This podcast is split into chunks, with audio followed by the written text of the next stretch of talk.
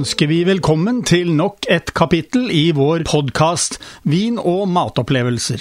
Som vi har gjort tidligere, vil vi tilby deg gode tips om mat og vin, ikke minst nyheter etter hvert som de kommer på Vinmonopolet. I tillegg til det vil vi ta spesielt for oss kombinasjoner av mat og drikke. Vær så god, det er servert.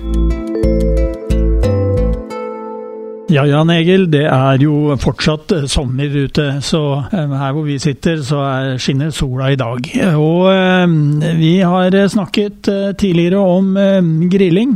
Og vi har snakket om vin, og kombinasjonen av vin til grillmat. Da har det gått mye rødvin, men i dag så har vi lyst til å trekke fram litt hvitt. Det er kanskje ikke sikkert at du griller akkurat det samme som vi grillet forrige uke, men, men vi kan vel finne noe god grillmat til hvitvin også, kan vi ikke det?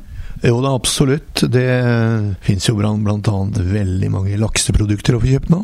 Det fins mye fin eh, hvitfisk, i hvert fall der jeg går og handler. I en butikk med ferskvaredisk. Og eh, hvorfor ikke la fisken få en sjanse istedenfor pølser og, og svinekjøtt, sier jeg. Og da er det naturlig å tenke både hvitt og rosé når det gjelder viner. Og da er vi jo så heldige her i dag at vi har både hvitt og rosé foran oss, så la oss eh, sette i gang med smakingen. Den første vinen vi har eh, tatt fram, det er en bordeauxvin. Og når vi snakker om bordeauxvin, så er det vel veldig mange som tenker rødt med en gang. Men dette er en hvitvin? Dette er en hvitvin som er eh, basert på Sauvignon Blanc-drue og Semillon. En 50-50-blanding av de to druene. Semillon er kanskje ikke så kjent som den andre druen, men den er jo annet hoveddruen i Sauternvinene, som, eh, som produseres ikke så veldig langt ifra det øvrige Bordeaux. Eh, denne heter altså Chateau Giraud, og den eh, er en tørrvin. Ja, druene ble plukket i fjor høst. 2019 står det på flasken. Ja, jeg smakte litt på den. Eh, luktet også.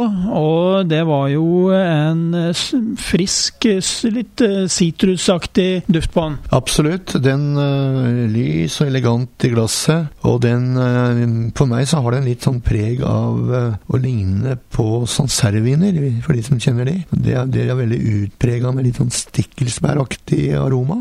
Og eh, er veldig frisk. Sitruspreg, som du sier. Og jeg tror eh, til, til eh, grilla fisk med litt sånn grillskorpe på, så vil denne være veldig, veldig bra. Og jeg er jo veldig glad i å, å, ta litt sitron på også, og da får du litt syre fram på fisken også, så det vil matche godt, tror jeg. Ja da, det er en god del syre ute og går her, og denne vinen har liksom litt av den, den sitronfunksjonen i forhold til maten. Skaper friskhet, eh, virkelig en appetittvekker. Så eh, det er en, eh, en, vin som man absolutt kan anbefale til grilling. Litt sånn lettere grilling av ulike fisker. Jeg tenker hvitfisk her kanskje akkurat nå. Hva tror du om litt, litt grilla kylling, da? Absolutt, og eh, ikke minst også hvis man har et kyllingsmørbrød eller noe sånt på en lunsj for venner nå i sommer, så vil denne Chateau Giraud kunne funke veldig godt. Vi skal vel ikke underslå at den kanskje kunne passe bra til skalldyr også? Ja, det helt klart. Reker f.eks. Den, eh, den forsvinner ikke så lett Eh, hvis man har litt sånn sauser til fisken heller. Men det er jo ingen tung, eh, kraftig vin. Det er mer en frisk hvitvin, dette. På den friske siden av skalaen, for å si det på den måten. Du nevnte stikkordet eh, tung vin, og da tror jeg vi skal forflytte oss til neste. Og nå eh, sitter jeg og eh, lukter litt på en eh, bourgognevin.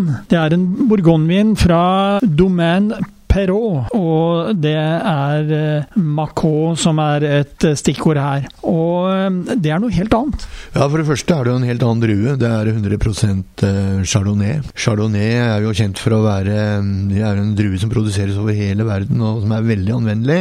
Den, den her den er, som du sier, en ganske fyldig vin. Den har nok vært innom eik.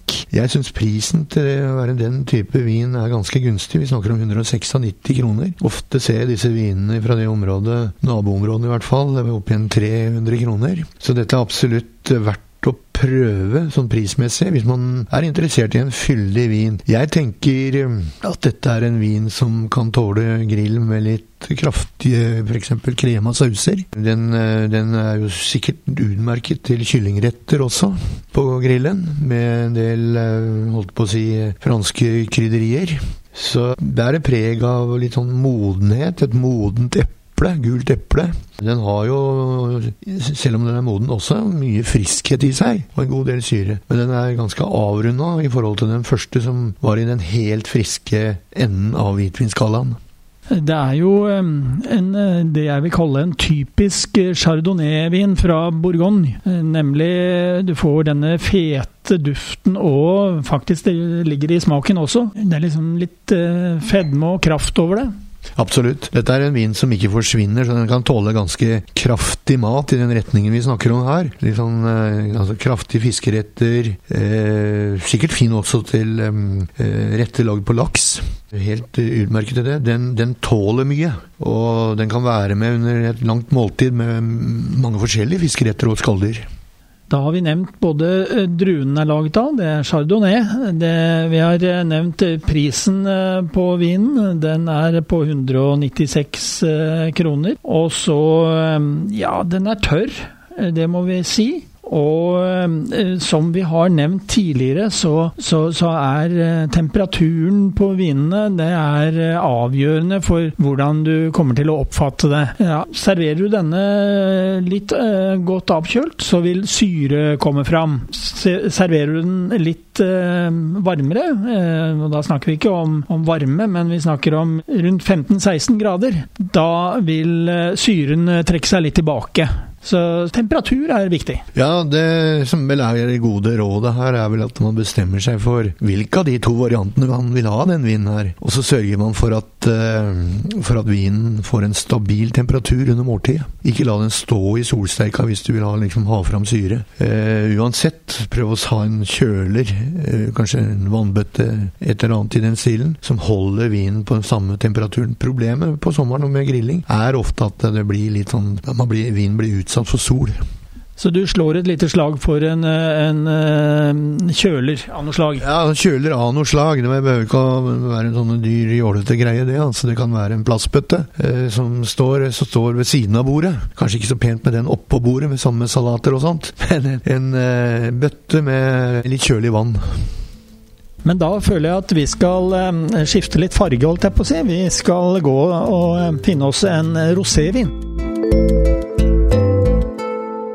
Ja, nå har du fått noe rosa i glasset ditt, Jan Egil. Ehm, det er da en rosévin fra Languedoc. Det er kyststrekningen vest for eh, Marseille ehm, mot Spania.